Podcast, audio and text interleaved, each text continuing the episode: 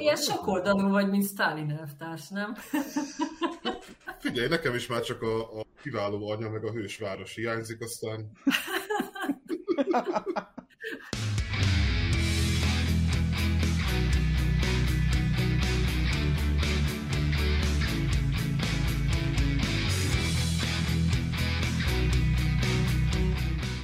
Sziasztok! Itt van az elbeszélő 5 hatodik adása, ami most a holokauszt emléknap kapcsán készül, vagy hát holokauszt emléknap kapcsán jön ki, kivételesen csütörtökön, és Klacsman Borbálával beszélgetünk, aki most már doktor Klacsman Borbála, és holokauszt kutató, úgyhogy uh, szerintem ez egy érdekes beszélgetés lesz így előjáróba, de akkor így első kérdésként annyit kérnék, hogy kicsit mutatkozz be, hogy mivel foglalkozol, mit csinálsz, és hogy akkor rögtön kezdjük is hogy miért lettél te történész. Köszönöm a meghívást, és, és üdvözlöm a hallgatókat, nézőket. Tehát én Klacsman Bori vagyok, Szegedre jártam történelem szakra PhD-zni, onnét is ismerjük egymást Ádámmal és Bencével. Előtte nagyon-nagyon sokáig tanultam történelmet, az eltére is jártam, meg aztán a CEU-ra is egy MA szakra, amikor még a CEU itt volt Magyarországon, ugye. És igazából az, hogy miért lettem történész, erre nem tudok nagyon röviden válaszolni sajnos. Nem tudom, hogy a teljes történetet mesél, vagy az anzásítottat. Ahogy gondol, lehet hosszan is. Igazából adásidőnk végtelen, mert... Így van. Jó, akkor mondom egy kicsit hosszabban, de azért nem teljesen nagyon-nagyon hosszan. Én nem az a kisgyerek voltam, aki tíz évesen már tudja, hogy ő állatorvos akar lenni, hanem fogalmam se volt, hogy mi akarok lenni, és a törít azt pont utáltam gimnáziumban. Nagyon-nagyon nagyon-nagyon nehezen ment nekem ez a évszámmagolás, meg nevek magolása, meg a mit tudom én, ezt nem szerettem. És úgy voltam vele, hogy nem akarok megbukni az érettségén, ezért aztán fölvettem faknak a történelmet, amikor második, második év végén, tehát harmadikos lettem, tehát 16 éves, 7 évesen, és ott lett egy nagyon jó tanárom, aki nagyon ö, meghatározó lett ebből a szempontból, mert akkor megszerettem. És volt egy téma, ami kimondottan nagyon-nagyon érdekelt, ez pedig a katarok elleni keresztes háború középkori Franciaországban, és igazából emiatt lettem történész. Na most ettől már azért kicsit messzire eltávolodtam, de ez főleg annak köszönhető, hogy rettentő lusta voltam latinul tanulni, és, így, és így sajnos a forrásokig nem jutottam már el. De azóta is nagyon kedvelem ezt a témát, és, és gyűjtöm róla a könyveket. És aztán, hogy a holokauszt hogy jött, az már, az már akkor volt, amikor az eltére jártam, és még mindig nem tudtam, hogy én most történész leszek-e vagy sem. Én úgy voltam, hogy elvégzem a törit, aztán lesz, ami lesz. És megláttam egy hirdetést, hogy az Anne Frank vándor, hát időszaki vándorkiállításra keresnek tárlatvezetőket, és mivel nagyon rossz előadó voltam, ezért úgy gondoltam, hogy akkor elmegyek, és kipróbálom magam, és csak azért is megerőszakolom magamat abból a szempontból, hogy én most beszélni fogok emberek előtt, és ez aztán olyan jól sikerült, hogy így ott ragadtam a holokauszt emlékközpontban, és hát gyakorlatilag 2007-től 2012-ig ott dolgoztam tárlatvezetőként, az állandó kiállításon, meg különböző időszaki kiállításokon is, és akkor már tudtam, hogy valójában ez a téma nem áll annyira messze a katarok elleni vérengzéstől, tehát ott is egy társadalmi igazságtalanság történt, itt is egy társadalmi igazságtalanság történt, és, és szerintem inkább ez az, ami engem érdekel, és a holokauszt olyan szempontból egy nagyon jó példa, hogy, hogy ezt a társadalmi igazságtalanságot, ezt rengeteg szemszögből be lehet mutatni rajta keresztül. És így megragadt, megragadtam ennél a témánál,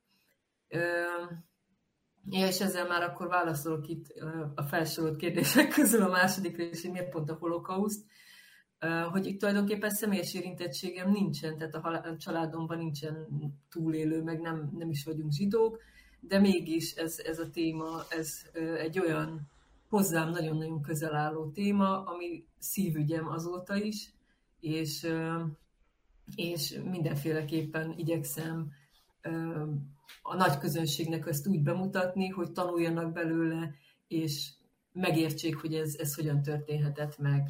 Tehát röviden annyira nem volt rövid, de azért röviden ez, ez, a, tév, e, e, ez a történet annak, hogy hogy lettem történész.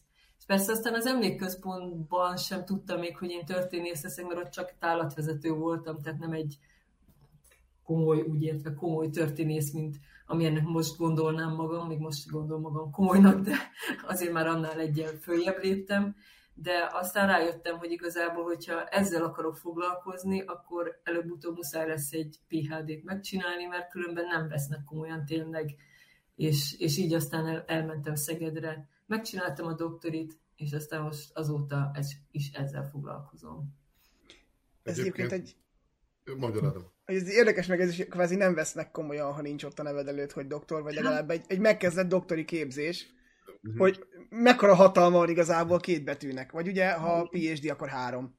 Igen, igen. Én csak azt akartam közbeszúrni, hogy ugye mondtad, hogy nincsen személyes családi érintettségetek a holokauszban.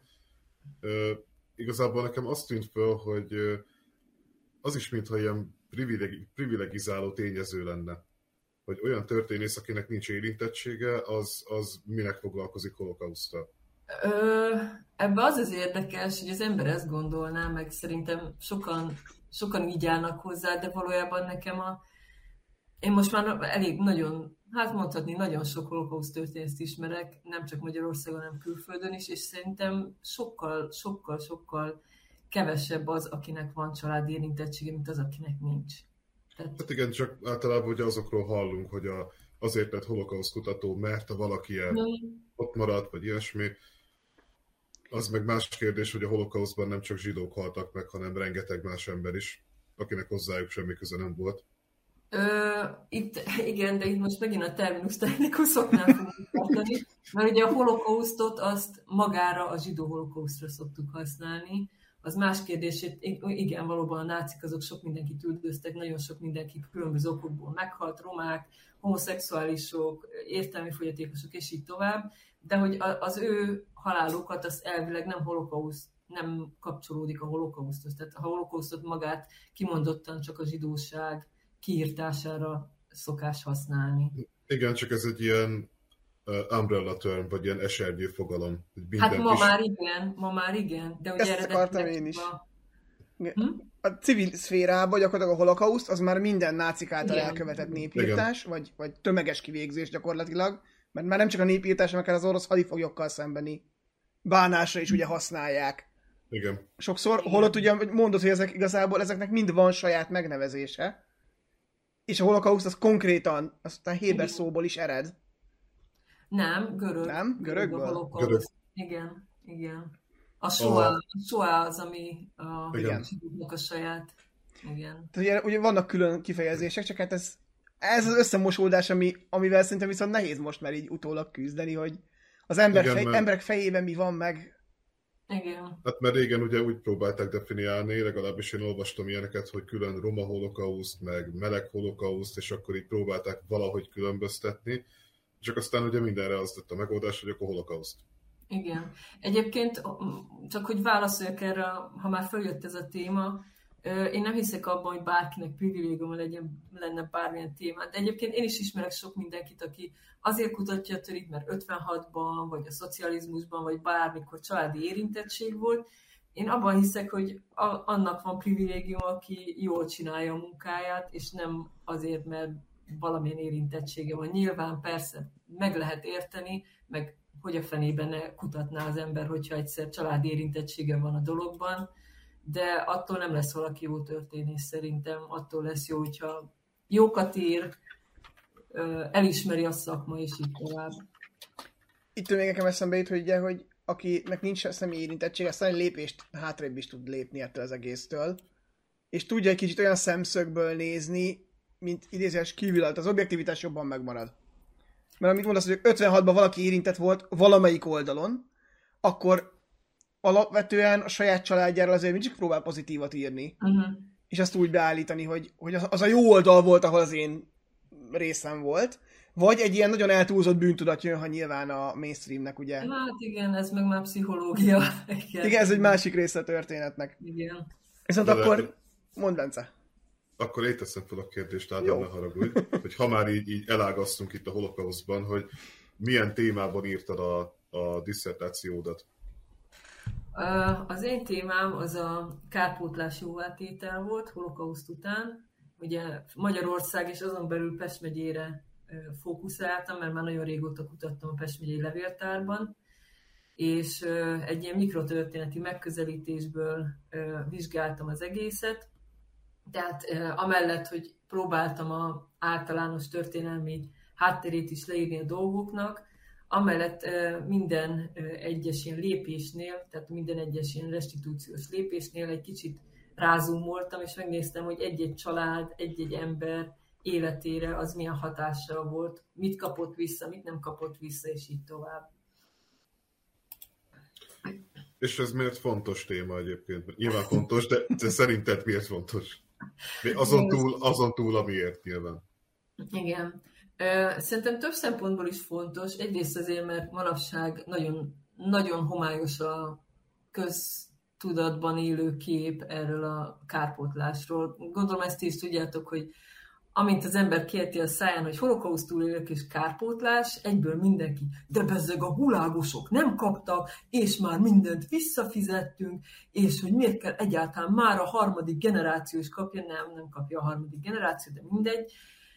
Tehát ez, ez volt az egyik nem titkolt cél, hogy egy kicsit ezt megnézzem, megvilágítsam, mert szerintem nem igazán van olyan szakirodalom, amit, amit a, az emberek, emberek, tehát hogy így a nagy közönség a kezébe fogna ezzel kapcsolatban, és nagyon kevés a tudás erről. És ez tényleg egy ilyen antiszemita, meg, meg kompetitív, hogy is hívják ezt, kompetitív victimhood, ez a versengő áldozatiság, hogy ez a, ez a két reakció általában, ami fölmerül ezzel kapcsolatban. Úgyhogy szerintem. Bocsánat, csak, tehát, hogy amellett, hogy történelmileg is szerintem egy fontos téma, és kevéssé feldolgozott, amellett a köztudatban élő képet is igyekeztem egy kicsit, igyekeztem volna helyre tenni. És mi a, a úgymond legérdekesebb dolog, amit találtál, mert speciál ez a hát civil hozzáállás, amiről beszéltél, az is megér egy misét, de hogy ezen kívül még mi az, ami úgy, úgy megragadott? Uh, hát, hogyha konkrétan erről van szó, erről a kárpótlás jóvaltételről, akkor, akkor az, hogy mennyire nem, nem kaptak vissza nagyjából semmit. Tehát tudnék most rengeteg példát hozni, meg én, tehát tényleg én nagyon mikrotörténet párti vagyok, tehát a kis emberek életéből rengeteg minden lehetne mesélni ezzel kapcsolatban, hogy hogyan szenvedtek, próbálták volna visszaszerezni, nem kapták vissza, milyen konfliktusok alakultak ki zsidók, nem zsidók között, ugye nagyon sokszor az volt, hogy beköltöztek a, a zsidóházba, kiigényelték, megkapták, beköltöztek, és onnétől kezdve az az enyém, és ne is próbálja visszavenni, és egyáltalán hogy képzeli, hogy, hogy visszakaphatja? Amikor hazajön mondjuk, és azt mondja, hogy hát de igen, de ez az én szüleim háza volt, ezért hadd költözzek már vissza bele. És akkor jönnek a különböző hatóságok, és azt mondják, hogy hát bocs, de nem költözhetsz vissza, mert itt él egy hadgyerekes nagy család, és most én hogy rakjam őket utcára. Szóval, hogy ez a, ez a zsidó, nem zsidó hivatalnokok, rendőrség, csendőrség, stb. kapcsolat, ez szerintem rettentő érdekes ebben az egész történetben, és, és talán ez is mondja el a legtöbbet szerintem, mert ö, mégiscsak az, ugye itt gyakorlatilag a kárpótlás is, meg a kifosztás, meg az egész holokauszt is az emberi viselkedésről szól, az emberi természetről, az emberi viselkedésről és hozzáállásról. És nekem itt eszembe jutott a témád, ebben az esetben viszont ráadásul még a Kádár rendszer, tehát a Rákosi rendszernek is a története valahol. Igen. Hogy ugye ők hogy állnak ez az egészhez hozzá, és, és nem tudom, ami nekem ebből eszembe jut, de cáfolj meg, ha nem így van, hogy alapvetően azért a, az államszocializmus idejében volt egyfajta tagadás.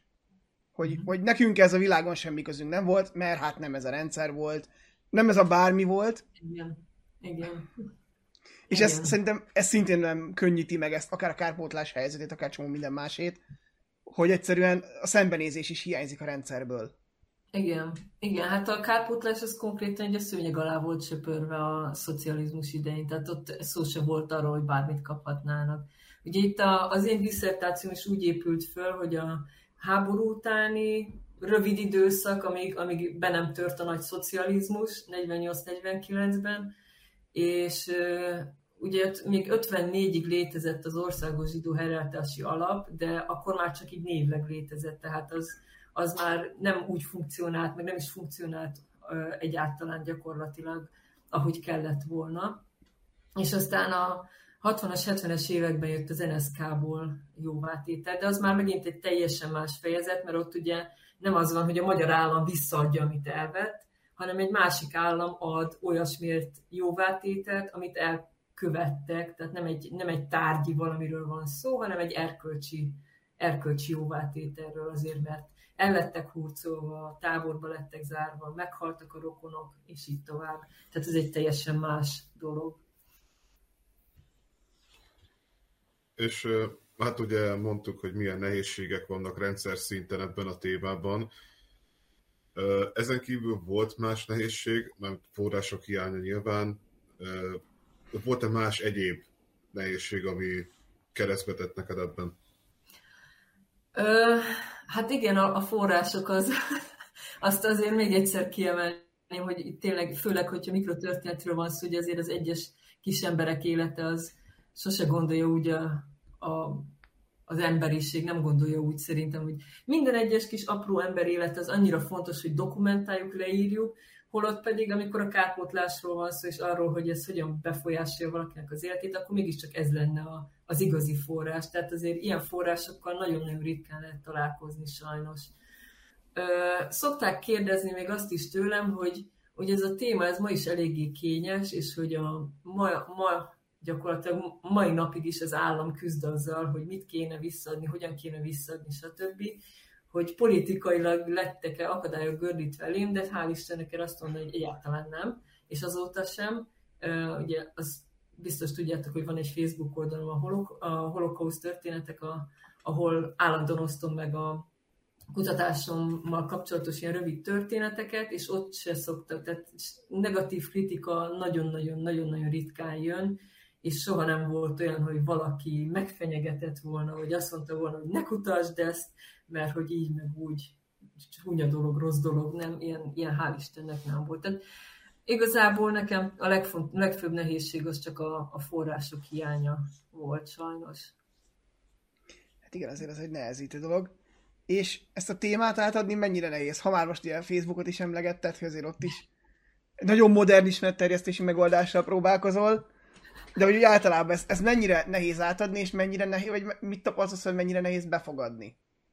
Ö, hát miután én már gondolom ennyiből kiderült, hogy én nagyon szeretek dumálni, meg hogy, meg, meg hogy azért mégiscsak tárlatvezető voltam x évig, úgyhogy nekem ez, nekem ez nagyon nem nehéz ezt átadni. Tehát én nagyon szeretek erről beszélni, szerintem ez egy rettenetesen érdekes téma, és úgy veszem észre, hogy fogadókészség is van rá. Tehát az embereket érdekli, és főleg az, hogyha nem számokkal dobálózunk, hanem tényleg erről van szó, hogy egyes emberekkel mi történt, mert azon keresztül lehet legjobban megérteni ezt az egész tragédiát szerintem. És ö, ö, általában a visszacsatolás is nagyon jó, tehát a, a Facebookon nagyon sokszor kapok pozitív kommenteket, meg hogyha megosztom ezeket a posztokat, van, van több olyan csoport, ahol holokauszt túlélők és leszármazotték vannak, egy csoportban gyakorlatilag több ezeres csoportokról beszélünk, ott is meg szoktam osztani, ott is mindig nagyon pozitívak a visszajelzések, meg emberek küldik le a történetéket, tehát szerintem igazából emiatt érdemes ezt csinálni, hogy az egy dolog, hogy jó érzés, hogy ezt publikálod, a másik meg, hogyha az a visszacsatolás, hogy te is kapsz történeteket, és megvan az a bizalom, ugye, hogy nekem el lehet mesélni, és akkor esetleg még én közé, közé is tehetem, hogyha olyan a történet. Tehát igazából nekem ez egy nagyon pozitív élmény ilyen szempontból történésznek lenni, hogy, hogy a nagy közönségnek mesélni és visszahallgatni az ő történeteiket. És ugye nyilvánvaló, hogy ez a kérdés egy kicsit hát felesleges, de azért mégis megkérdezem. A történelmileg szerinted miért nagyon fontos a holokauszt? Neked van-e valami külön meglátásod arról, hogy uh, miért is nagyon jelentős? Ö, na, amikor ezen a kérdésen gondolkoztam, és leírtam több választ is, úgyhogy most ezeket szerintem forra veszem. Ugye a szokásos válasz az, hogy ez volt az emberiség történetek egyik legnagyobb tömeggyilkossága, körülbelül 6 millió áldozattal. Már csak emiatt is nagyon fontos, hogy beszéljünk róla. Ugye a holokausznak egy, egyik különlegesség az, hogy ez volt az első genocidium, amikor az állam gyakorlatilag az egész világon ki akart írtani egy népcsoportot, tehát hogy írmagja sem maradjon, és ehhez minden a kezőgyébe kerülő eszköz felhasznált. Ezt ugye tudjuk a Vanzé konferenciának a, az irataiból, hogy ott nem csak azokat a zsidókat vették sorra, akik, akik a nácik által megszállt vagy csatlós területeken éltek, hanem még Írország, Anglia, és így tovább, és így tovább. Tehát mindenkit ki akartak írtani, és szerintem emiatt is érdemes erről beszélni. És harmadik pontnak azt írtam le, ami szerintem az én szemszögemből a legfontosabb, hogy gyakorlatilag a holokauszt az egy olyan esemény volt, aminek a hatása az élet szinte minden területére kiterjedt. Tehát későbbiekben, amikor elkezdték ezt vizsgálni, hogy hogy történhetett, mi történt, és hogyan történt, akkor ez egy dolog, hogy pszichológia, szociológia, jog, államigazgatás, gazdaság, gyakorlatilag minden, minden bele van vonva, és ma is ezt az összes szempontot mindet, minden keresztül lehet vizsgálni a holokausztot. És szerintem ezért is érdemes foglalkozni vele, mert ezen az összes területen minden is taníthat nekünk valamit. És a legfőbb pedig az, amit már említettem, hogy önmagunkról, mint emberekről tanít, tanít minket, mert ugye amikor fölmerül az a kérdés, hogy ez hogy történhetett meg, akkor gyakorlatilag mindig emberekről van szó, hogy ezt emberek csinálták emberekkel, és a holokauszt eltorzult világában gyakorlatilag az emberi természetnek a legjobb és a legrosszabb oldala is megmutatkozott. Úgyhogy szerintem ez a, ez a három válasz erre a kérdésre. Ami nekem még eszembe jut, hogy és mennyire, nem tudom, hogy, hogy mennyire látod azt megvalósíthatónak, hogy hogy ezt emberi sorsokként tudjuk kezelni. Mert hogy én, amit látok, hogy most már a holokauszt az emberek számára egy ilyen, ugye Stalinnak tulajdonítják az idézetet, hogy, a, hogy egy ember hal a tragédia, milliók és statisztika, hogy Igen. kicsit ezt az emberek így évek, hogy jó, hát meghalt, most mit mondok egy szám, 6 millió ember, vagy kettő, vagy négy, teljesen mindegy, hogy mekkora szám, felfoghatatlan lépték. Igen. És hogy, hogy ezt, hogy talán az is a probléma szerintem, az is egy nehézség most, hogy, hogy ezt emberi sorsokként kell kezelni. Akár a táborőré is egy emberi sors, akár a, azért, akit megölnek, vagy aki hol, szenvedte holokausztat, ő is egy emberi sors, hogy ezt hogy lehet emberi sorsokként kezelni? Hogy lehet azt elérni, hogy ezt kicsit az emberek úgy lássák, hogy itt, itt tényleg emberek haltak meg, és egy-egy személyről, egy-egy karakterről van szó. Uh-huh. Uh, hát ez nehéz kérdés. És tényleg, tényleg így van, hogy én ezért sem szeretem ezt a, nyilván fontos a statisztika, meg a, meg a számok, de, de az tényleg nem adja át, hogy itt mi történt. Tehát, hogy, hogy gyakorlatilag a vidéki kis Szabótól, meg Szatócstól, meg Árustól elkezdve a gyárosig mindenkit megöltek, ezt, ezt tényleg nehezen adja vissza. És szerintem a, ma a holokausz kutatásban van egy olyan léptékváltás, ami azért nagyon elősegíti ezt, hogy, hogy ne csak a nagy számokról beszéljünk, hanem a kis emberekről is. Tehát egyrészt ez a mikrotörténet, amit én is próbáltam csinálni, másrészt pedig van a perpetrator studies, tehát hogy konkrétan megvizsgálni, hogy kik voltak azok, akik, akik lőttek. Ugye Christopher Browningnak az Ordinary Man, nem tudom, hogy ismeritek el, az konkrétan erről szól, hogy egy rendőr századot kivezényeltek, és hogy, hogy ők hogyan élték meg a későbbi tanúvallomásaik alapján, hogyan érték meg azt, hogy ott most nekik embereket kell ölni ezer számra gyakorlatilag. Tehát van, van manapság ez, ez a léptékváltás a holokauszt kutatásban, ami szerintem nagyon előnyös ebből a szempontból. Az más kérdés persze, hogy ezt hogyan interpretáljuk a nagy közönségnek, de én úgy látom, hogy, hogy igazából a legtöbb holokausztal foglalkozó kiállítás és múzeum is azért törekszik erre. Tehát mindig van a nagy vonulat, társadalom, politika, stb. mi történt, de amellett többségében azért vannak a, az egyes, emberekre, egyes emberek történeté, vagy az ő rájuk fókuszáló rövidebb történetek. Hát például a Holokauszt emlékközpontban is az már elég régi kiállítás, de ott is ugyanez van, hogy az egyik oldalon van az általános történet, másik oldalon pedig csak a család történetek, amiket végig lehet követni. Úgyhogy szerintem ez egy nagyon jó kezdeményezés, és nagyon jó irányvonal is a kutatásban. Nyilván nem azt mondom, hogy ennek kéne az egyetlennek lennie, mert persze, hogy nem, de, de ez is nagyon fontos, és, és szerintem azért ennek lesz eredménye, meg hát van is. Mondjuk, ami nekem még itt eszembe jut, bocsánat, hogy, hogy alapvetően nyilván, hogy egy történeti, tény, történeti eseménytől eltávolodunk, hogy úgy fokozatosan valahogy tényleg a mikrotörténet felé kell fordulni. Mert most már ugye a holokauszból, mint eseményből szerintem nagyon mit nem tudsz kihozni, mert, mert, mert fel van dolgozva. Tehát esemény történetileg nem tudsz hozzányúlni. Politikailag szerintem nagyon nehéz, mert már az is igazából jogilag ugyanez a helyzet, sok tény ugyanez a helyzet, és tényleg a mikrotörténet az, amire azt tudod mondani, hogy ez még nincs. Ö, ez egy jó, ez egy jó kérdés, de hát ti is tudjátok, hogy ugye a, tör, még a századik legkisebb történelmi eseményről is mindig lehet újat mondani, mert mindig valaki más szemszögből fogja megnézni.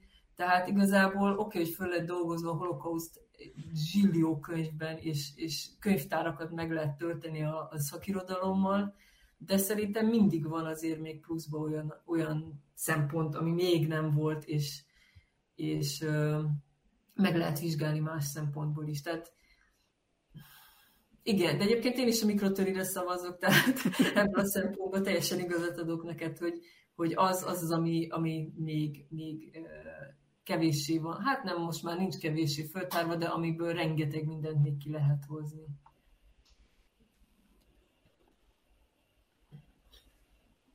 Na, én azt szerettem volna kérdezni egyébként, hogy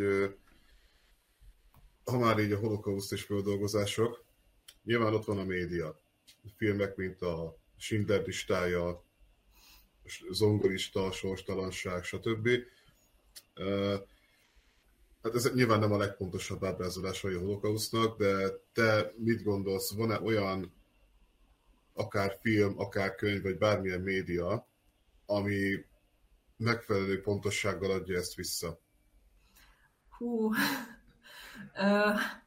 én azt mondanám egyébként, hogy a mouse, ironikus módon, mert ugye a cikkerőt elolvastam, és hát minden benne van igazából, aminek benne kell lennie, elég durván, ahhoz képest, hogy ugye gyerekmese karakterekkel van megcsinálva, vagy ott van a, a náci halálparádé, ami egy az egybe egy gázkamrás kivégzésnek a sketche, de hogy a mostani mainstream médiában van-e ilyesmi? Vagy akár a, mondjuk a 90-es évek, 2000-es évek, amikor ezek úgy jobban jelentek meg ezek a filmek? Uh, én is úgy vagyok ezzel, hogy szerintem pontosan ezt nem lehet visszaadni, és ezért én azokat a filmeket szeretem, amik nem törekednek arra, hogy pontosan. Én az, azokat szeretem, ami nem ez a kimondottan naturális, az arcodba vágja, hogy ez így volt. Tehát például a zongoristát én egyszer néztem meg, és azt mondtam, hogy soha többet nem akarom látni. Ez annyira borzasztó, hogy nem, nem bírom megnézni. És ugyanígy voltam a Saufiával is, ami szerintem mind a kettő egyébként kiváló film, de, de én nem bírnám őket egyre többször megnézni, mert annyira melbevágó és naturális és, és szókimondó, hogy, nem, én ezt nem, nem bírom, én nem, valamiért nem bírom.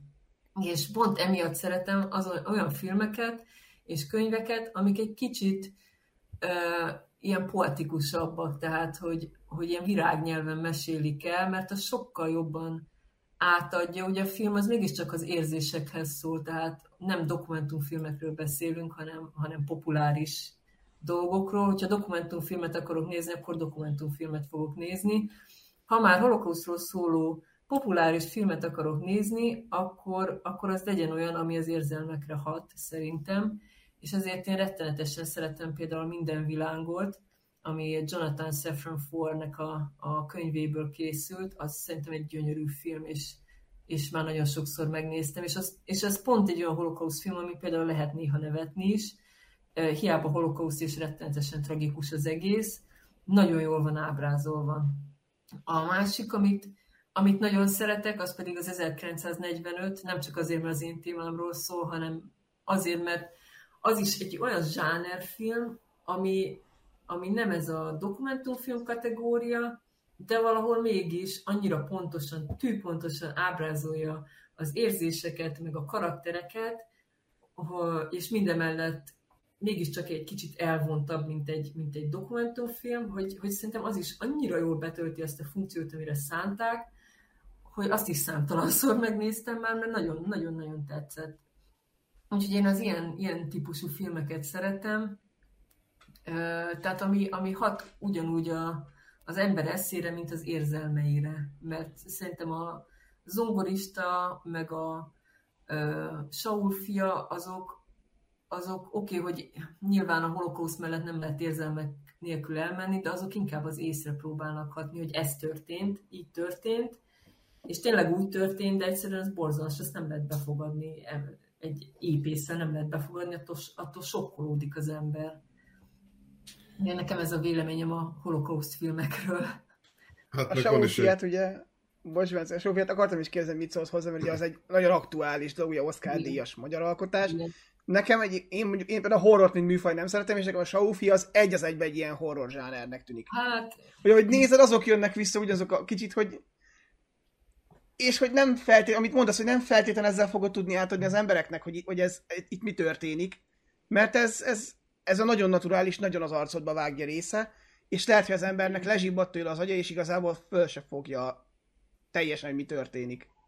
Igen, igen, tehát sokszor a keve, keveset, hogy, hogy is van ez a keveset adsz, de többet ér típus, ez szerintem azért pont a holokauszt filmeknél jól működik. Hát ugye a Schindler listájában is ezzel dolgoztak, ugye ott van a, a piros kabátos kislány, Igen az is pont, az pontosan ugyanezt a, a, az elméletet támasztja alá, hogy ez így működhet. Mm. Meg nekem még itt van egy kérdésem, hogy ugye elmondtad, hogy milyen holokauszt filmeket szeretsz. El lehet-e rontani egy holokauszt filmet? És inkább, inkább úgy kérdezem, hogy milyen szempontból lehet elrontani egy holokauszt filmet? Hát, ez egy jó kérdés. Erre nem is biztos, hogy tudok válaszolni. Mert pont, pont ez az, hogy valami vagy tetszik az embernek, vagy nem. Hogyha már elrontásról van szó, én akkor maximum olyat tudok mondani, hogy történelmileg nem hiteles, tehát amit annak szánnak, az nem hiteles. Tehát például a, ö, amikor a Köves Gyurit hulló hóesésben deportálják. Én azt meg sem néztem egyébként, azt kell, hogy mondjam, mert elolvastam a, a könyvet, de a filmet nem néztem meg, mert nagyon rosszakat hallottam róla. És ugye tudjuk, hogy a deportálások azok tavasz végén, nyár elején történtek, tehát hogy ez, ez abszolút nem fedi a valóságot, szerintem ott már kapásból el van rontva valami. De hát nagyon sok embernek meg tetszett a sorstalanság, tehát ki vagyok én, hogy azt mondjam, hogy ne tessen neked ez a film. Szóval szerintem filmeknél tipikusan arról van szó, hogy nagyon szubjektív, hogy kinek mi tetszik, és ha, ha valaki ezzel tud ö, érzelmekre hatni, meg fölkelteni a, a szánalmat, hogy hulló esésben deportálnak, akkor legyen. Tehát erre csak ezt tudom mondani. Nekem még eszembe jut, hogy ha már ugye ezek a személyes dolgok, meg kicsit a popkultúra, hogy Anna Frank és az ő naplói a popkultúra részévé vált, hogy nem tudom te hogy vagy ez az egész kvázi Anna Frank jelenség, ez nagyon rosszul hangzik, és, és, és, és nem jó.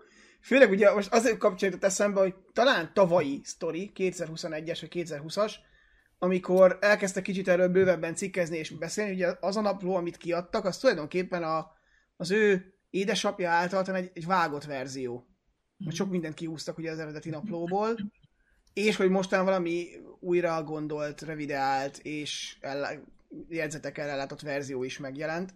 Nem tudom te ezzel, hogy vagy, hogy mennyire hasznos ez a napló, mennyire jó ez akár, mennyire tesz jót akár a témának. Szóval igen, Anne Franknak a naplója, a naplójáról azt kell tudni, hogy a édesapjának adta át az egyik megmentő Mip Hiss, aki, aki segítette a családot a rejtőzködés alatt, és amikor elhurcolták a családot, akkor megtalálta a szétdobált dolgok között Anne naplóit, és azokat megőrizte, és átadta Otto Franknak, mert ő volt az egyetlen, aki a családból túlélte a holokausztot.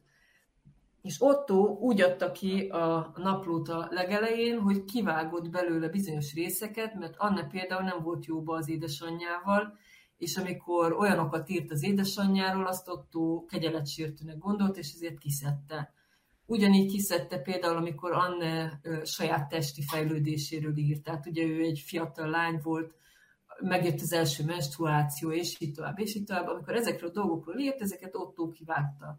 Tehát nem olyasmiről van szó, hogy ilyen grandiózus, valami nagy történelmi titkokat vágott volna ki belőle, és valóban Otto halála után megjelent a teljes napló. Tehát ez már nem újdonság, hogy a teljes napló az a piacon közkézzel forog, ez már, ez már évtizedek óta, hát évtizedek óta így van, igen, mert Otto 80-as évben halt meg. És én úgy vélem, hogy a, valahol nagyon hasznos, hogy Anne naplója ennyire hírneves lett, valahol meg káros. Abból a szempontból hasznos, hogy ő tipikusan az a kisember, mondhatjuk, az a kisember, az a névtelen valaki csoda, akivel ez az egész megtörtént. És mivel ennyire hiteles és ennyire jól tudta visszaadni a dolgokat, meg ennyit gondolkozott önmagáról a bujkálás alatt, ezért, ezért gyakorlatilag ez egy olyan mementója a holokausznak, ami, ami tulajdonképpen mind a 6 millió ember szemszögét valahol visszaadhatja. Tehát itt rajta keresztül gyakorlatilag belehelyezkedhetünk az egyszeri holokauszt áldozatnak a, a szempontjába. Abból a szempontból viszont nagyon káros, hogy, hogy csak egy emberről van szó, tehát az, hogy szimpatizálni tudunk egy 13-14 éves kislányjal, az teljesen természetes, de amikor arról van szó, hogy egy 40-es, 50-es férfi, egy 50-es, 60-as nagymama, egy, egy akár kicsit, egy kisbaba, akiknek még nincsenek is olyan gondolatai, hogy le tudná írni. Tehát, hogy őket, őket viszont ebből teljesen kizárjuk, és, és szerintem picit talán túl is van hype ez a, ez a történet, abból a szempontból, hogy, hogy azért itt tényleg rengeteg ember halt meg, rengeteg másnak a szemszögét is meg lehetne írni, és, és meg is van írva, meg föl is van véve videóra, tehát tudjuk, hogy több, e, több tízezer túlélőnek a, a, a visszaemlékezése le van írva, föl van véve, és így tovább. Csak hogy ők túlélték, és ezért már annyira nem is érdekesek, ugye. Tehát ebből a, e, tehát van benne egy ilyen, nyilván nem ezt mondom, hogy nem annyira érdekes, mert számomra például ugyanolyan érdekes, de, de van valahol ez a hatása van ennek a naplónak szerintem. Nem tudom, hogy ez kimerítő válasz volt a kérdésre. Eléggé, ami azt illeti.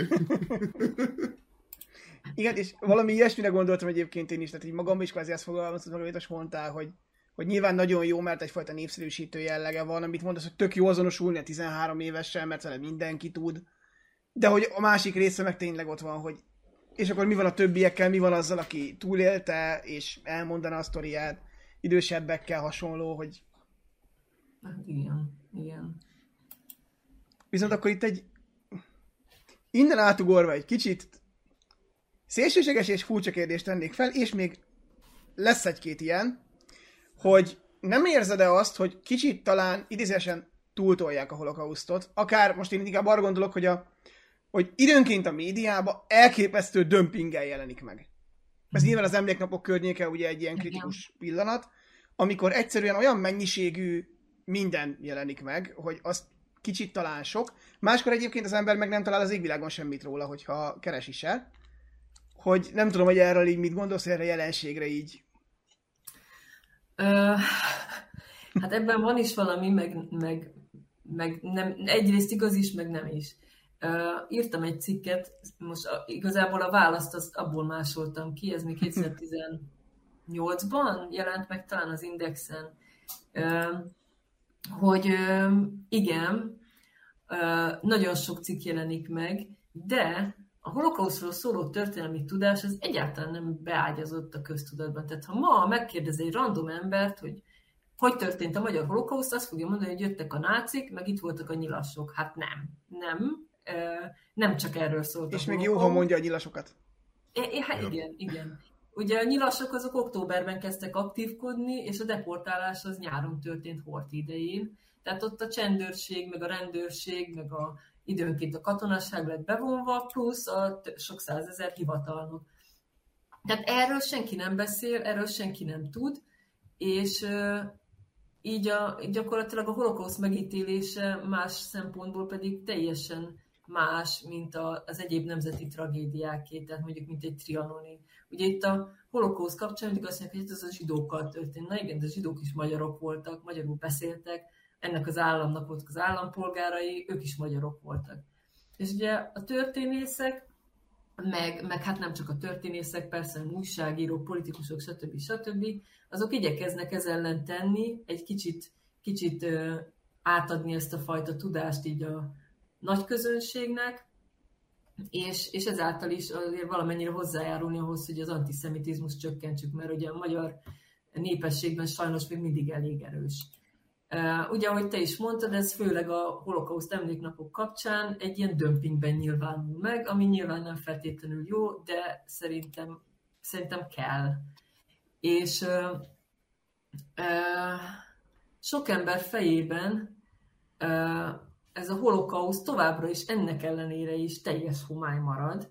Tehát hiába van ez a dömping, sokan még mindig nem tudják, hogy mi volt az, hogy történt, mikor történt, és ugye ez a pszichológiában van ez a úgynevezett megerősítési torzítás, ami azt jelenti, hogy ha úgy gondolom, hogy a holokauszt az túl van tolva, és túl sok szó esik róla, akkor öntudatlanul is ezeket a híreket fogom nézni, meg, meg, meg kiugrik az összes többi közül, amikor pörgetem a híreket, és akkor persze, hogy azt fogom gondolni, hogy, hogy ez, ez túl van tolva, és mindenhol csak erről van szó, ott nem feltétlenül igaz. De egyébként itt bejön megint az a kérdés, amin én nagyon sokat szoktam gondolkozni, hogy, hogy hiába van túltolva, ennek ellenére mennyire rossz és kevés a történelmi tudás a holokausztról, hogy ezen hogy a, hogy a fenébe lehetne valahogy változtatni, ezt igazából még én sem tudtam megfejteni, mert ugye akit érdekel, az annak utána fog nézni, és annak, és annak lesz a fejében valami mondjuk úgy történelmek hitelesebb kép. Akit nem érdekel, meg aki antiszemita és, és kimondottan negatív kép él a fejében a zsidókról, annak pedig hiába tolod ezerrel, mert nem fogja elolvasni, és csak az fog lejönni neki az egészből, hogy, hogy már megint a holokamu, és, és ma megint magukat csiratják a zsidók, hogy nem tudom, miket szoktak itt gondolni az emberek. Igen, igen, nekem ezt eszembe, hogy, hogy ilyenkor néha már kicsit én is azt mondom, vagy én is azt érzem magamba, hogy ez nekem túl sok. Nyilván nekem több tudásom van erről, tehát alapvetően nekem újat nem mond a legtöbb ilyen, mert ugye mit mondasz, hogy alapvetően olyan emberekhez próbálják eljuttatni, akik, akiknek lövésük nincsen az egészről. Vagy megpróbálják meggyőzni a, az, a holokauszt tagadókat, hogy miért baromság tagadni ezt az egészet. És nyilván számomra ebben se új információ nincs, se semmi, és nekem ez igazából, mintha ugyanazt a cikket megosztanád újra. Igen. Még egyszer egy izé. Igen. De közben abszolút megértem egyébként, hogy és tényleg rengeteg, és általában egyébként ez nem csak itthon, de szerintem globálisan a történelmi tudásunk, mint emberiség, az valahol nagyon-nagyon-nagyon nem ott van, ahol ennek lenni kéne. Igen. Hát igen. És, és eközben meg azt kell magyaráznunk, hogy miért van ránk szükség.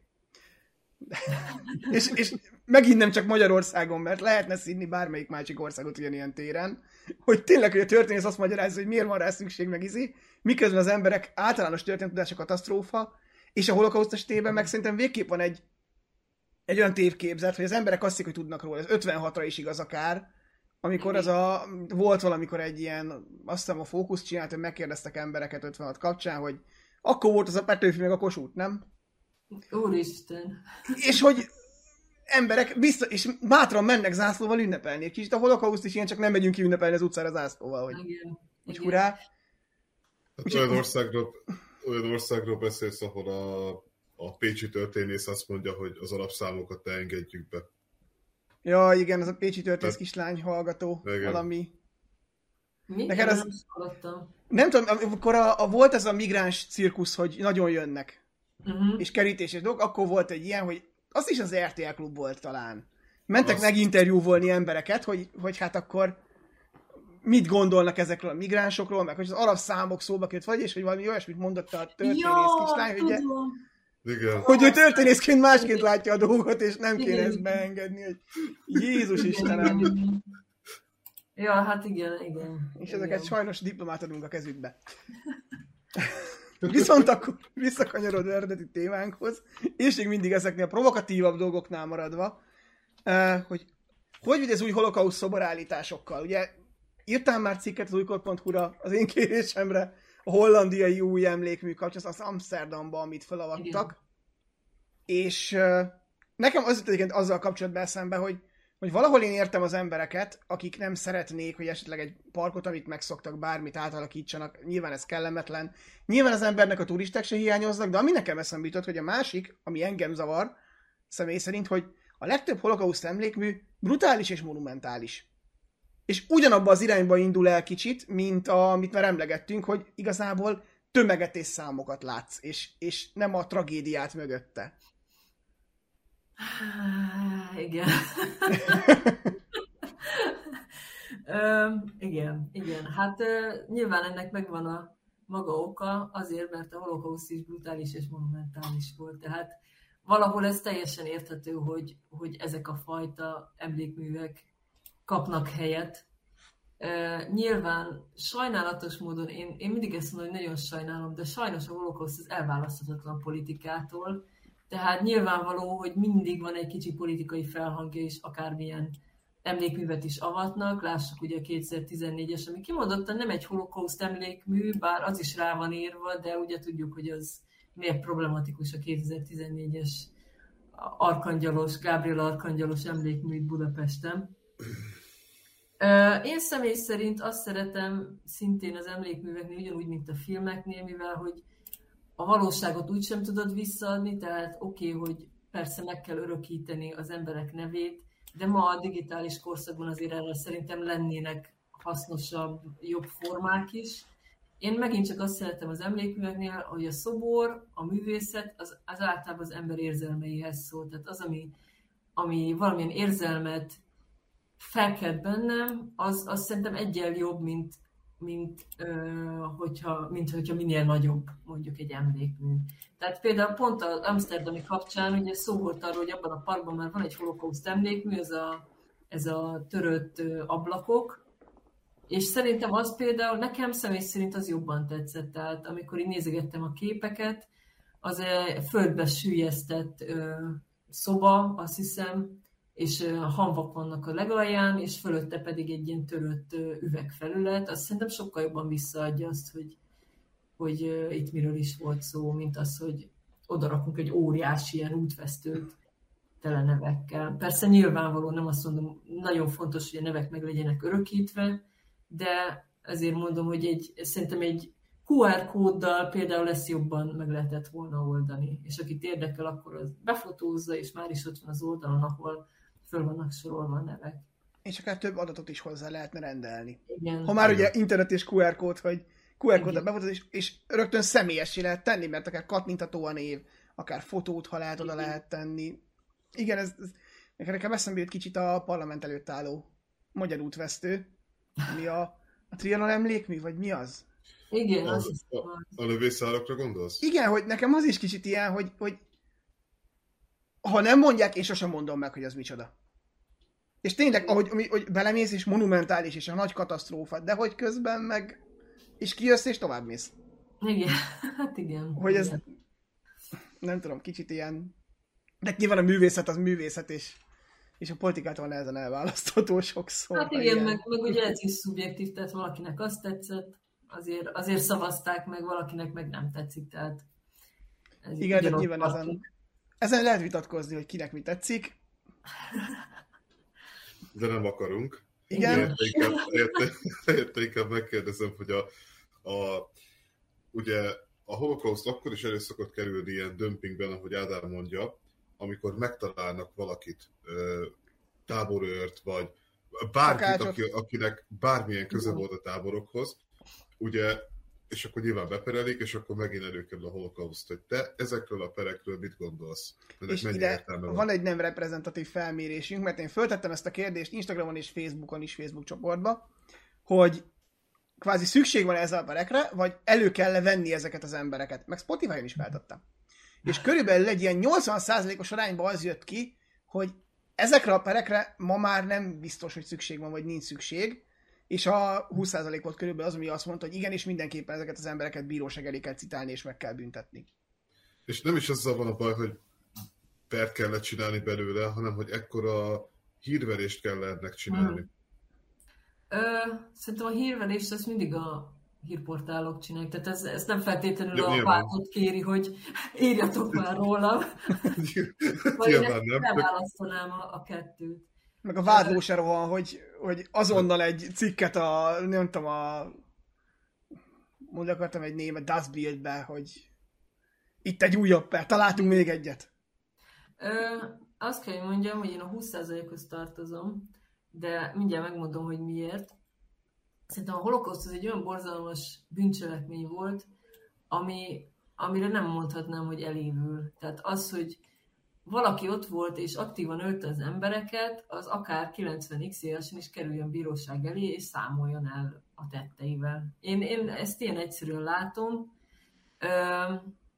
Természetesen én tökre megértem, hogy a nagy közönségnek a nagyobbik része az azt mondja, hogy ezeket a vén nagypapákat, aki már leérte az életét, és eltelt 60-70 év azóta, azokat mi a fenének bíróság citálni, de én úgy vagyok vele, hogy akinek ott meghalt, vagy megölték a rokonát, vagy megölték őt magát, ő ugyanúgy megérdemli azt, hogy egy bíróság igazságot tegyen az ügyében. Tehát én, én, én így vagyok ezzel, hogy szerintem bennem sajnos ez van, ez a, ez a küldetés tudatom, ezért a holokausztal foglalkozok, mert, mert ez a társadalmi igazságtalanság, ez egy olyan dolog, hogy nekem ez nagyon piszkálja a csőrömet. Hogyha valami gebasz történik, valami rossz történik, akkor annak legyen meg utána a büntetése. Tudom, hogy nem mesékben élünk, meg tündérmesékben élünk, meg, meg tehát, hogy nekem ez a véleményem. Én, én, én, ezzel, én ezekkel a dolgokkal nem tudok úgy, nem tudok elmenni mellette úgy, hogy oké, legyen lezárva, és ne is foglalkozzunk vele többé. Hát nyilván én is arra gondoltam, hogy ne büntessük meg ezeket az embereket, mert főleg, hogyha van is miért, és bizonyíthatóan van miért, hanem csak ez, hogy tényleg ekkora hírverést kellene csapni, és nyilván ugye nem a bíróságok teszik ezt, hanem a média. Igen. Hát igen, az, az, hogy a média mit, mit csinál, meg hogy fújja föl, az persze megint más kérdés, de szerintem a ö, legtöbben egyrészt, én, én két ö, motivációt vélek itt felfedezni. Az egyik az, hogy ennek szenzáció értéke van, hogy egy 80-90 éves nagypapa ül a vádlottak padján, ez, ez önmagában egy szenzáció, és ezért írni kell róla, mert akkor arra sokan fognak kattintani. A másik pedig, hogy remélem, hogy inkább emiatt írnak róla, hogy valaki ugyanúgy látja, mint én, hogy ennek, ennek azért van hírértéke, mert hogy egy társadalmi igazságtalanság, és talán ezzel egy kicsit lehet tanítani a népet is, hogy, hogy ezek a bűnök, ezek nem évülnek el. Tehát Szerintem én ezt a kettőt vélem kihámozni abból, hogy miért lesz ezekből ekkora nagy szenzáció. Nekem, amit eszembe jut, az ellenkezés kapcsán is, miért mondja valaki azt, hogy, hogy nem feltétlen kéne, vagy nem kéne, ott azt eszembe, hogy ugye nagyon sok esetben jönnek elő azok a perek, amikor azzal védekezik a vádlott, vagy az kerül elő, hogy tulajdonképpen, nem tudom, szakács volt a táborba. Uh-huh. Vagy valami, és közül az aktív gyilkosságban nem vett részt. Viszont Igen. ugye erre azt mondják, hogy mint passzív résztvevő, és a rendszer támogatója ugye ugyanúgy sokszor elítélik, majd utána a bíróság azt mondja, hogy kiengedjük, mert, mert már öreg. Egyrészt mondjuk az elítéljük, és aztán kiengedjük része, és kicsit ilyen, hogy de hogy akkor a francnak ítélted el, mert hiába a... Igen. A másik viszont szerintem sokakban azért van ellenkezés, mert, mert nem feltétlenül egy bizonyos rendszerre te is utaltál, hogy nem mindig sikerül teljesen egyértelműen bebizonyítani, hogy mégis mit csinált az adott ember. Hát igen, de ez, ugye ez azért van, mert már tényleg most már több mint 70 éve, jó, lassan már 80 éve, 80 éve történtek ezek a dolgok, és nagyon kevés az, az, az, az a túlélő szem, szemtanú, aki, aki egyáltalán ott volt, és tényleg be tudná bizonyítani, hogy igenis ő volt az, aki a nem tudom kit az orrom előtt lelőtte. Meg hogy azonosítasz valakit ilyen távlatból? Hát figyelj, a név, a név meg a személyes adatok azért szerintem az... Persze okay, nyilván, nem arra gondolok, hogy kvázi mint szemtanúként, hogyha esetleg a nevet nem tudod, hogy valami, akkor hát viszont igen, tudod, az hogy más, persze. láttam, hogy ő volt, mert, mert hát nem őt, lát, hát őt láthattad, csak... Igen. Igen. Ö, igen, tehát ez, ez sok szempontból nagyon problémás, de én úgy vagyok vele, hogy ez, ez, ez annyira a jognak a területe, hogy én ebbe a részébe én nem is tudok, meg nem is akarnék belefolyni, mert, mert úgyse tudnék, tehát hogy nem tudok hozzátenni, mit hozzátenni. Én a forrásokat ki, ki tudom böngészni, de az, hogy most egy idős embert oda visznek, és valamit mondanak róla, ahhoz nem, nem igazán tudom mit hozzátenni, mert nem, én sem voltam szemtanú. Tehát, hogyha ott van a kezemben a bizonyíték, akkor az mindjárt más, mert akkor, mert akkor van a kezemben olyan forrás, amivel bizonyítani tudom, de így a távolból én nem mernék ilyet mondani. De egyébként olyanról nem hallottam, hogy szakácsot ítéltek volna olyat hallottam, hogy fegyveres őr volt, de mondjuk nem lőtt le valaki. De hát az, hogy fegyveres őr vagy, és nap mint nap azt nézett, hogy a többiek meg halomra lövik az embereket, és kettő szalmaszálat nem teszel keresztbe, az azért egy kicsit más, mint hogy krumplit főzöl nekik, és azt teszik vacsorára. Szóval szerintem azért itt van egy minőségi különbség azért a kettő közt. Igen, és mielőtt még a, a személyes rész, vagy a személyesebb irányba mennénk, még nekem eszembe jutott két kérdés. Az egyik, hogy a, a holokauszt az szerinted mennyire árnyékolja be a többi népírtást? Most itt lehetne a kernökről beszélni, akár mint az örmények ellen elkövetett, ami, amiért Törökországban most tiltották le ezt a beszélgetést. Vagy nagyon sokat lehetne sorolni, tehát nyilván sajnos az emberiség történelmét végigkísérik a népírtások, hogy szerinted a holokauszt mennyire vet egy árnyékot ezekre, mennyire kerülnek ezek a népírtások ilyen, nem tudom, egy, a holokauszt, ez kint a világháború háború, hogy van a holokauszt, mint népírtás, és vannak a népírtások, amik egy ilyen alsó polcon. Ez megint egy jó kérdés, és megint provokatív. Szerintem igenis, meg nem is, megint a válasz. Igen, beárnyékolja, és ezt abból a szempontból tartom jogosnak, én, mint magyar ember, hogy ez itt velünk is megtörtént. Szerintem rettenetesen fontos minden népírtás, mindegyikből lehet tanulni, de Európában a holokauszt történt, ami, ami gyakorlatilag minden államot érintett Európában. Persze voltak más népírtások is nyilván, de azok helyi népírtások voltak. A holokauszt viszont egész Európában és Magyarországon is megtörtént, és számomra, tehát én azért gondolom úgy, hogy, hogy ez nagyon fontos. Másrészt viszont abban igazad van, hogy ö, ö, a többi népírtás gyakorlatilag ebben a európai és nyugati akadémián a holokauszt és népírtások mellett, ugye az és népírtások alatt szerepel, tehát hogy mint ilyen, nem azt mondanám, hogy egy alsó polcon van, de kicsit alárendeltebb szerepe van talán. Viszont arra tudok, hogy azokban az országokban, ahol ezek a népírtások történnek, jó, a törökök azt, azt hagyjuk, de hogy ott is, ott, ott viszont aktívan foglalkoznak velük, tehát aki, akivel megtörtént, akinek a családja érintett, akinek a népe érintett, hogy így mondjam, vagy a nemzetisége érintett, azok nyilvánvalóan foglalkoznak vele. Tehát én úgy gondolom, hogy mivel a holokauszt az egy magyar tragédia, ezért nálunk persze, hogy ez van elől, mint, mint népírtás. És nem akarok ezzel semmilyen más történelmi igazságtalanságot alárendelni a holokausznak, hanem csak ennyi, hogy ez itt történt, és ezért foglalkozunk vele.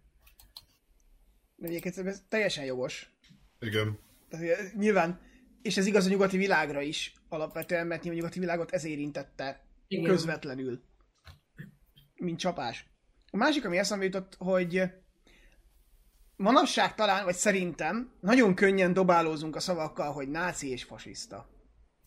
Most gondolok akár az amerikai elnök választása, ahol ugye Donald Trump mekkora náci, ami azért szerintem egy nagyon csúnya túlzás, mert, mert sok rosszat lehet róla mondani, de a náci azt szerintem nem tudok ebbe a listába. Hogy szerinted ez mennyire probléma, és mennyire ez a tudatlanság, hogy most beszéltünk a holokausztal, nácizmussal kapcsolatban, hogy ilyen könnyen dobáljuk rá emberekre a kifejezést, hogy ő egy faszista, ő egy náci, ő egy bármilyen szélsőséges. Hú, ez egy jó kérdés. Én alapvetően nem szeretem ezeket a jelzőket olyan emberekre használni, akik nem aktívan valami neonáci csoportnak mondjuk a tagjai. Tehát aki nem tartja magát nácinak, és nem egy neonáci csoportnak a tagja, arra nem mondjuk rá azt, hogy náci. Az, hogy valaki lehet antiszemita, meg zsidógyűlölő, meg rasszista, meg mit tudom én, de, de szerintem a nácizmus az egy egész eszme kollekció, hogy úgy mondjam, tehát, hogy ezeket a címkéket szerintem meg kéne hagyni azoknak az embereknek, akik tényleg azt vallják, és magukénak érzik. Igen, ez például engem is zavar, vagy igen, még most is zavar, amikor a második világháborúval foglalkozok, hogy amikor minden németet lenácizunk meg hasonlók, tényleg egy kicsit én is úgy érzem, hogy túl van tolva az a jelző. Meg ugye manapság is olyanokra használják, akiknek igazából köze nincs a nácizmushoz, vagy akár a fasizmushoz. Csak egy negatív jelző, amit dobálunk, ne negatív jelző. Hát igen, tehát a, én úgy vagyok fel, hogy a, azt mondjuk, hogy náci Németország az oké, okay, mert ugye ott az állam rendszerről volt szó, meg a kormányról volt szó. Az persze. De náci Németországban éltek nem náci németek, tehát ezt, ezt azért be kell látni, hogy ott azért voltak, akik segít, nem sokan, de voltak, akik segítettek, voltak, akik nem támogatták a nácikat, Sophie Scholl és társai, stb. Tehát, hogy azért nem, nem mondhatjuk azt, hogy ott a náci Németországban is mindenki náci lett volna. Egyébként így föltenném most azt a, a nehéz kérdést, ugye, hogy a holokauszt az egy nagyon nehéz téma, ez nyilván senkinek nem újdonság, főleg ezek után. Mm, mennyire nehéz elkülöníteni a szakmai meg a magánéletet, amikor valaki ilyesmivel foglalkozik? Ö, szerintem körülbelül annyira, mint bármelyik másik történésznek. Tehát nem tudom, ti hogy vagytok veled, de bármilyen társalgásra így, így önteni tudja az ember a saját kutatási témáját. Tehát nálam, nekem szerintem csak az annyiban más, hogy, hogy nekem a holokausz az gyakorlatilag egy, egy eszköz arra, hogy a, az én küldetéstudatomat így be tudjam teljesíteni, ami most nagyon rosszul hangzik, de, de így gyakorlatilag arról van szó, hogy, hogy egy kicsit jobbá tenni a világot, egy kicsit igazságosabbá tenni azáltal, hogy, ne utáljuk már egymást csak azért, mert ki milyennek született, vagy milyen a vallása, vagy a bőrszíne, stb. Gyakorlatilag nekem ezt jelenti a holokausz kutatás, és ezért nekem ez a személyemnek a része. Amikor mostani párommal elkezdtünk randizni, mondtam neki, hogy én a munkám vagyok. Ami nagyon-nagyon rosszul hangzik, de tényleg, tehát én nem tudok leszakadni, és remélem, hogy életem végig ezzel fogok foglalkozni, mert nekem ez, ez szívügyem. Úgyhogy magam, mint, mint ember, magamból én ezt nem tudnám kiszakítani, ezért ilyen formában a magánéletemből se tudom kiszakítani, de, de ettől függetlenül azért persze, hogy van magánéletem, és nem holokausztozok éjjel-nappal a, a párommal, meg a gyerekünkkel, hanem, hanem rendes életet élünk aztán. Amikor dolgozni kell, akkor meg dolgozok. Ez egy nagyon szép válasz volt egyébként. Abszolút, abszolút szép válasz volt. Na, Ami nekem erre még most ide eszembe jut, hogy, hogy neked volt esetleg olyan élményed forrással bármi, amikor azt érezted, hogy na most meg kell állni egy picit, és mély levegő, és ezt át kell gondolni, mert mondjuk annyira, nem tudom, mélyen érintett, vagy annyira durva volt idézőjelbe. Ö, volt. Igazából ezt írtam föl arra válasznak, hogy mi volt a legérdekesebb, amit a kutatás alatt találtam, de aztán máshogy fogalmaztátok a kérdést, és azért mondtam el a történetet. De, de volt kettő ilyen eset, illetve hát nyilván sok, sok van, de kettő, ami nagyon-nagyon mély nyomot hagyott. Az egyik az volt, amikor elkezdtem a kutatást a Pest megyei levéltárban 2013-ban, és a Monori iratanyagokat nézegettem, és Monoron a légypiszkot is leírták, tehát ott ilyen 70 doboznyi irat van 38 és 45 között és azokat mindet végignéztem, és természetesen részletesen dokumentálva van, mi történik a zsidókkal, és találtam egy ilyen vastag aktát, és elkezdtem nézegetni, és arról szólt, hogy a Kaufer családot hogyan utasítják képen Magyarországról, nem tudják bizonyítani az állampolgárságukat, holott már generációk óta itt élnek Magyarországon. És néztem ezek, ezt a hivatalos levelezést, meg szegénységi bizonyítvány, meg tudjátok, ez az összes mindenféle, ami ezzel jár, bürokratikus nyelvezet, és egyszer csak elém került az egyik ilyen adatlapon a család három tagjának a fényképe, és akkor ott ki kellett menni a kutatóterembe, a WC-be bőgni egy kicsit, mert az annyira sokkoló, amikor, amikor csak a neveket látod, meg csak az iratot látod, és egyszer csak föltűnnek a képek, és rájössz, hogy itt gyakorlatilag emberi sorsokról van szó, és három olyan embert akarnak el távolítani örökre az országból, akik csak magyarul tudnak. Itt van az összes felmenőjük és lemenőjük, és itt van az összes vagyonuk, és minden idegszálukkal kapcsolódnak ez az országhoz, és akkor így meglátod az arcukat, és, a, és az olyan, úristen, az egy olyan, az pont egy olyan pillanat, amikor így meg kell állni, és végig gondolni az életedet. A másik pedig az volt, hogy ez nem is egy olyan régi történet, hogy igazoló bizottsági anyagokat nézegettem, hogy ezek az igazoló bizottságok a háború után különböző köz- és magántisztviselőknek a múltját vizsgálták, hogy ki az, aki kompatibilis lesz az új rendszerrel. És hát persze rengeteg politikai felhangja van az egésznek, ezt ugye nem is kell részleteznem. És találtam egyet, amin egy dr. Szentiványi Géza nevű magántisztviselő kérte, hogy vizsgálják ki az ő ügyét. Tehát ő maga kérte, nem kellett külön felszólítani, stb. És írt egy részletes, hosszú levelet arról, hogy őnek is soha semmi baja nem volt a zsidókkal, sőt, nem szerette, hogy folyton a németeket itt Magyarországon dicsőítik, és ez ellen fel is szólalt, és hogy ő a holokauszt során megmentett több zsidó családot. És akkor így úgy voltam, hogy hát persze, hát ez bárki mondhassa, de az irathoz hozzá volt csatolva két tanúvallomás a két megmentett családtól, amit effektíve ott aláírták, hogy őket tényleg Szent Iványi Géza megmentette.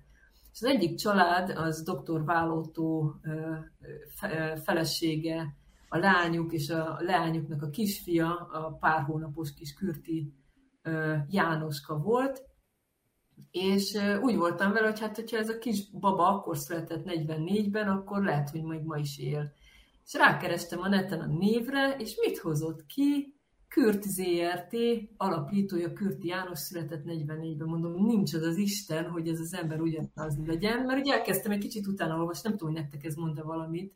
Bölcsészek vagyunk, nekem sem mondott semmit, de ez a Kürt adatmentés, ez hungarikum, bejegyzett hungarikum, és a NASA-val szoktak együtt dolgozni, meg a, meg a 9-11 után segítettek az amerikai államnak az adatmentésben. Tehát ilyen, ők ilyen nagy, nagy hala a piacon.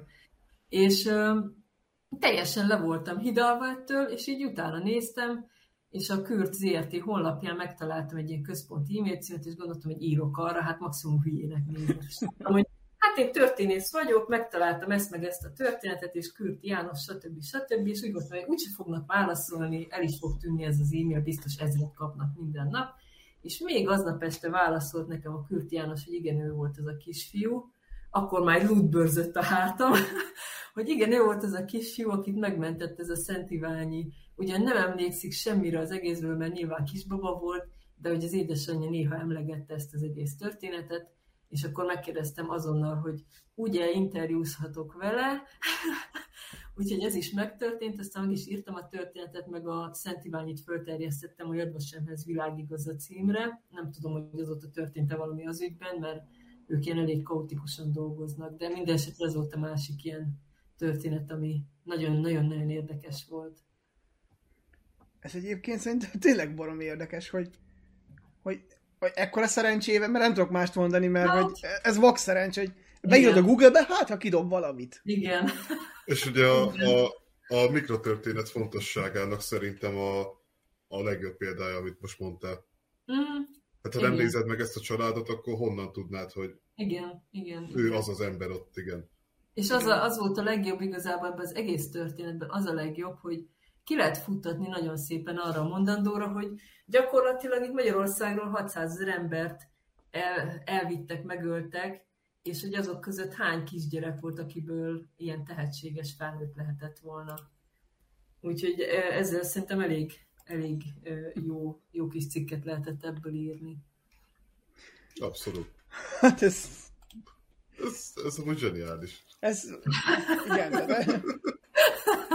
Na, erre most én se találom a szavakat, mert az ember sok borzalommal találkozik karrierje során, de ilyennel azért nagyon kevés szer, hogy... Ez igen, igen. Hogy wow, igen. tehát ez igen. ez igen. Hát ez őszintén gratulálok, más nem nagyon tudok mondani. Igen, akkor kicsit összeik magunkat most mi is így lélekbe, és akkor most már vidám dolgokról beszélgessünk kicsit. Az egyik, hogy tudom, hogy te nagyon szeretsz különböző csokikat csinálni, Ó, és igen. van ennek dedikálva tulajdonképpen Facebook oldalad is, ugye? Van, van Facebook oldalam, de nagyon nem aktív, ez, ez sajnos nem, nem úgy futott be, ahogy terveztem. Hogy ne, honnan jön neked ez a szeretet a csokik felé, vagy... Miért te nem szereted? Ne, nem arról van szó, tehát nyilván. Csak Én hogy szerint- elkezdesz így otthon kis kézművesen csokikat csinálni, és akkor ettünk már belőle Bencével, tehát nagyon kis extra dolgokat, hogy ne azt képzelje el a kedves néző hallgató, hogy nem tudom, csinálsz egy, fölolvasztasz csokat, és egy másik táblát öntesz belőle. Nem. Hogy ennél sokkal extrább is jó dolgokat csinálsz a csokoládéval. Hát ugye Ö, műa, műalkotásnak hívjuk, Ádám. igen, Akár. Igen. Egyébként, egyébként ugye hallottam már olyanról, aki abban mérte a, a művészetet, a gazdagságot, hogy vannak ezek a pici kis édesség költemények, azt fogod és megeszed. Akkor te gazdag vagy, mert egy ilyen értéket el tudsz pusztítani. Hát egyébként az, igen. Hát amennyi munka benne van, azért nem, nem kell csodálkozni, hogy ezek a kézműves bombonok olyan iszonyatosan drágák. Hát igen. Ezt most, így, most úgy mondom, hogy már van némi rálátásom a dologra. Ö, ez a csokizás, ez úgy jött, hogy nálam mindig is volt ez a mondás, hogy aki a csokit szereti, az rossz ember nem lehet. és, és mindig egy picit gyanakodok, hogyha valaki nem szereti a csokit.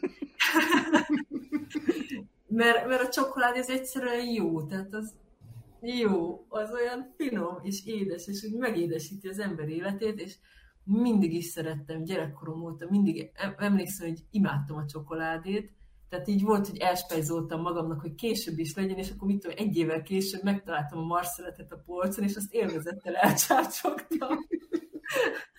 és miután ennyire szerettem, és nagyon sokáig úgy, volt, úgy voltam vele, mint több más hobbimmal egyébként, hogy mások szemében ez hülyesség, meg hogy miért zabálsz annyi csokoládét, csak elhízol tőle, mindig lehet hallani ezeket a kritikákat, hogy így, így titkolni kellett, hogy én ezt szeretem. És aztán jött az a pont az életemben, amikor azt mondtam, hogy én nem érdekel, én ezt annyira szeretem, hogy megtanulom megcsinálni, tehát a Csokoládé című filmben, amikor a Juliette Binoche ott a márványlapon temperálja a csokit, és így úristen, így az embernek csorog a nyála, olyat akartam én is csinálni, és elmentem a Szamoshoz egy csoki készítő kurzusra, ami gyakorlatilag csak egy délután volt, de megtanítottak ott temperálni. És elkezdtem gyakorlatilag az már 2015, ugye? Tehát akkor kezdtem a, a doktorit. Hát ö, nem akarom kiszámolni, hogy a doktori ösztöndíjaimnak a hány százaléka ment el csoki készítő mindenfélékre, tehát a polikarbonát csoki forma, amiben, bele, amiben tudsz készíteni 24-től 32 bombont, az ilyen 3-4 ezer forint egy darab, és abból nyilván kell sok, mert több különböző formát akarsz csinálni, és kellenek hozzá spatulák, meg kakaóvaj, meg rengeteg minden, és, és azóta ezt csinálom, mert, mert ez egyszerűen egy annyira jó hobbi, hogy egy, egyrészt kézműves is, másrészt valahol a művészi hajlamait kiélheti az ember a különböző színekkel, meg formákkal, harmadrészt meg a végeredményt meg tudod enni, és az a legjobb része, és sajnos a legrövidebb ideig tartó is. Hát. Úgyhogy ez, ez, ez így jött ez a csokizás. Igen, szerintem ez egy tök jó dolog, mert tényleg mindenkinek kell valami ilyen hobbi, ahol ezeket a mindenféle kreatív dolgait ki tudja élni. Igen. És igazából egyik se olcsó. Szóval most oké, okay, mondod, hogy mennyibe kerül egy ilyen forma, de ha az ember mondjuk komolyabban rajzol, egy ceruzakészlet se Igen. fillérek, Igen. ne beszéljünk festékről egyebekről, és ha az ember esetleg olyan műszaki hobbit csinál, miért mondjuk számítógép vagy tablet kell, akkor ne beszéljünk arról, mennyibe kerül egy, Hát, jó. egy olyan tablet, amin lehet rendesen mondjuk rajzolgatni és színezgetni, Igen. mert, mert az rengeteg pénz. És a csokik mellett egyéb hobbi, most nyilván a bavázást nem mondanám hobbinak. Az, az, Az, az, az muszáj. az minden csak nem hobbi. Úristen, most elkezdeném a listát. Hát én kézműveskedésben már mindent csináltam, mindent is. Tehát volt tűzzománc annó, volt ékszerkészítés, az agyagozásban nagyon béna voltam, tehát szobrász az nem leszek, azt már tudom. Ö, imádok rajzolni, ha már így följött a rajzolás, tehát az Gödöllőn jártam, még én Gödöllő vagyok eredetileg, ott jártam a művésztelepre rajzolni sokáig. Az azóta is megmaradt, tehát mostanában is szoktam rajzolni, bár kevés az időm rá sajnos. Festés az nem annyira megy, azt is próbáltam, de azt mondta a rajztanárunk, hogy én még a ecsettel is rajzolok, úgyhogy inkább maradjak a ceruzáknál. Volt gyöngyfűzés, a hímzéssel is elég béna voltam, úgyhogy azt, azt nem is nagyon csináltam, a kötést azt meg se próbáltam. Akkor mostanában újonnan a párom az ö, ö, nagyon bele van mélyedve ebbe a role-playing game-be, RPG-zésbe. Ádám, te ezt biztos tudod, mert te is szoktál ö, tabletop, ilyen asztali társas játékok, hogy vannak ezek a miniatúrák. Ezek Így van. Igen. Azokat szoktam mostanában festegetni, az, az egy hobbi, az is, az is nagyon szeretem. Uh, igazából játszottam is velük uh, egészen addig, amíg nem jött a baba, addig tartott egy kampány, aztán majd ki tudja, mikor folytatjuk. ha már a baba másfél-két éves lesz, is lehet mellette éneket csinálni. Uh, öt éves koromban kezdtem csellózni, azt 20 pár éves koromig aktívan csináltam, azóta ilyen nagyon e-mailámmal hobbi szinten.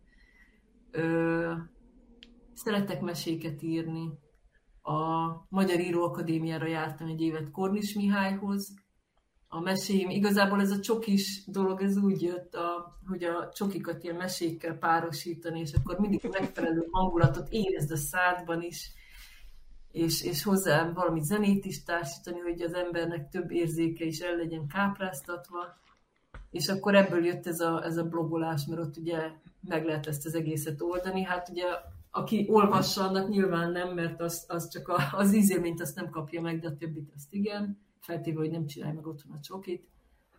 Szóval elég sok minden van, úgy nem mondanám, hogy unatkozott, mindig van mivel foglalkozni. Én most felírtam magamnak, és ezt a leírásba fogom írni, hogy a második reneszánsz ember a vendégünk. Mert ezt Gellérfi Gergőre mondták, amikor vele beszélgettünk, hogy rászoktak ezt, hogy reneszánsz ember, de igazából akkor te is. Ennyi mindent, aki csinál, és aki ennyi mindenben, ha egy picit is csak jó, nem kell benne nagyon-nagyon kiválónak és csúcsnak, de ha csak egy picit is jó, és ennyi minden megy neki, és belevág, és érdekli, az ez a reneszánsz műveltségnek egyfajta. Igen, igen, pont ez a bajom, hogy igazából azért nem tudtam sokáig, hogy mi akarok lenni, mert engem annyi minden érdekelt, és mindegyikhez csak egy kicsit értettem.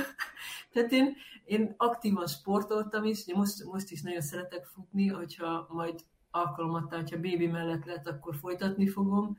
Tehát én sportol, a sportolás is komolyan följött, a rajzolás is komolyan följött, mint, mint lendőpálya. Nem is tudom, tehát hogy annyi minden érdekelt, és, és hogy pont a töri mellett kötöttem ki, ez igazából szerintem teljesen véletlen. De most már azt mondanám, hogy nem tudnék úgy élni, hogy nem a töri az elsődleges. Tehát a csoki az mindig megmarad B-tervnek, hogy, hogy lesz egy saját kis csokizóm, hogyha, hogyha befutcsolok történészként, de, de azért nagyon szeretném, hogyha így az eszemmel dolgozhatnék igazából. Erre egyébként hát, az, az is kell. Hát persze, csak, csak az egy teljesen más dolog, meg, meg jó, oké, a csokival is lehet terjeszteni a világbékét, mert legyen édes, és, és egyél csokit, és ne háborúz, de, de azért a holokauszt az mégiscsak egyen jobb erre, erre igen, ez, ez, bár nekem azt eszembe, hogy ebből is látszik, hogy valahol a történet, az történet tudom, hogy félig meddig egy művészet is. Ja, igen, az. Igen. Én szerintem igen. Hogy, hogy azért valamilyen szintű művészi beállítottságra szükség van. Hát figyelj, a, alapvetően az, akik, akik nagyon híres történészek lesznek, mondjuk én most csak holokauszt történetből tudok mondani, Wendy Lauer, Omer Bartov, Christopher Browning, ők mind azért lettek olyan híresek, szerintem, mert rohadt jól írnak. Tehát ott egy nagyon erős írói vénára szükség van, hogy hogyan interpretálod a forrást, és ezt hogy tudod úgy leírni, hogy, hogy az átlagos felhasználó is, most csúnyán mondom, hogy az átlagos felhasználó is azt megértse, és él, ne élvezze, de élvezze olvasni, meg, meg, megértse, meg, meg átérezze, ahhoz, ahhoz, ahhoz szerintem feltétlenül kell egy művészi véna. És gondolom ugyanez van az összes többi történelmi eseménynél is. Tehát mindegyiket művészi dolog megírni, úgyhogy élvezhető legyen. Szerintem mindegyen olyanokat kezdtünk olvasni annó, akiket, akiket jó volt olvasni hogy hiába jó a tényanyag, meg hiába jó minden, és profi a munka, ha egyszerűen nem ragad magával, amit olvasol, Igen. akkor nem, akkor nem jó. Jövőbeli tervek. Szakmailag, egyénileg, bármilyen szempontból. Húha! Most azért nem merek semmit mondani, mert most vagyok pont ilyen pályázás folyamatában, és ha nem jön össze, az olyan ciki. De az a lényeg, csak így nagyon nagy vonalakban, hogy én posztokolni szeretnék, nem itthon, hanem külföldön, és most éppen ahhoz pályázok pénzt. És hát vagy összejön, vagy nem. Ha nem jön össze, akkor nem tudom, mihez fogok kezdeni, akkor keresek egy másik lehetőséget. Igazából Jelenleg három beadott pályázatom van, és szerintem még lesz kettő. Remélem, hogy ötből legalább egy össze fog jönni, és akkor meg tudom csinálni. De hát tudjuk, hogy elég kompetitív, mert sokan foglalkoznak a holokausztal. A másik pedig, hogy van egy kutatási tervünk, amivel meg Otkát szeretnénk pályázni, egy ö, levéltáros kollégával, illetve van még egy levéltáros történész kolléga, de ő, ő, lenne, ő lesz a vezetőkutató, ha összejön a dolog. Ö, Csősz Lászlónak hívják, nem tudom, hogy ismeritek-e. Ő, ő elég nagy koponya a holokausz kutatás terén, egyébként ő is Szegedre járt. És hát remélem, hogy az össze fog jönni, de ez is, mondom, pályázatokon múlik, hogy meg tudjuk-e valósítani. Igen, ezt ismerjük. Hogy amikor a- az ember a pályázatot várja, hogy valamit szeretne csinálni, de azon múlik, hogy a pályázat. Ö, igen. Igen, igen, És- igen. Úgyhogy most ezek eléggé így függnek a levegőben. Igazából most úgy vagyok vele, hogy a, a baba miatt jelen pillanatban amúgy sincsen túl nagy munkakapacitásom, tehát most így pont lefoglal ez a négy darab tanulmány, amit meg kéne írnom, meg a X konferencia, és aztán, és aztán majd meglátjuk, hogyha esetleg nem jön össze ezekből egy se, de azért remélem valami csak összejön, de ha nem jön össze mégse egy se, akkor majd szeptemberben szerintem ráérek elkezdeni keresgélni valamit, valami csak összejön. Hát most akkor így van program. Hát van, igen, azt nem panaszkodom. Bence, esetleg még neked valami, vagy neked esetleg valami kérdésed, vagy bármi? Ö, Gondolat? Igazából, nem, igazából csak mondanám, hogy sok sikert, de nem vagy rászorulva. Hát azért, de azért manapság történészként. Jó, de te Igen. nem csak történész vagy, szóval. Igen, de azért hát nyilván sok sikert, és hát mindenki bízik benne ilyenkor, hogy összejön minden és sikerül. És Ja, köszönjük tudom, a... hogy- Bocsánat, még van, még Ó. van egy projektem függőben, egy könyv, Jó, de erről sem mondhatok el többet, mert ez, ez, ez aztán tényleg államtitok.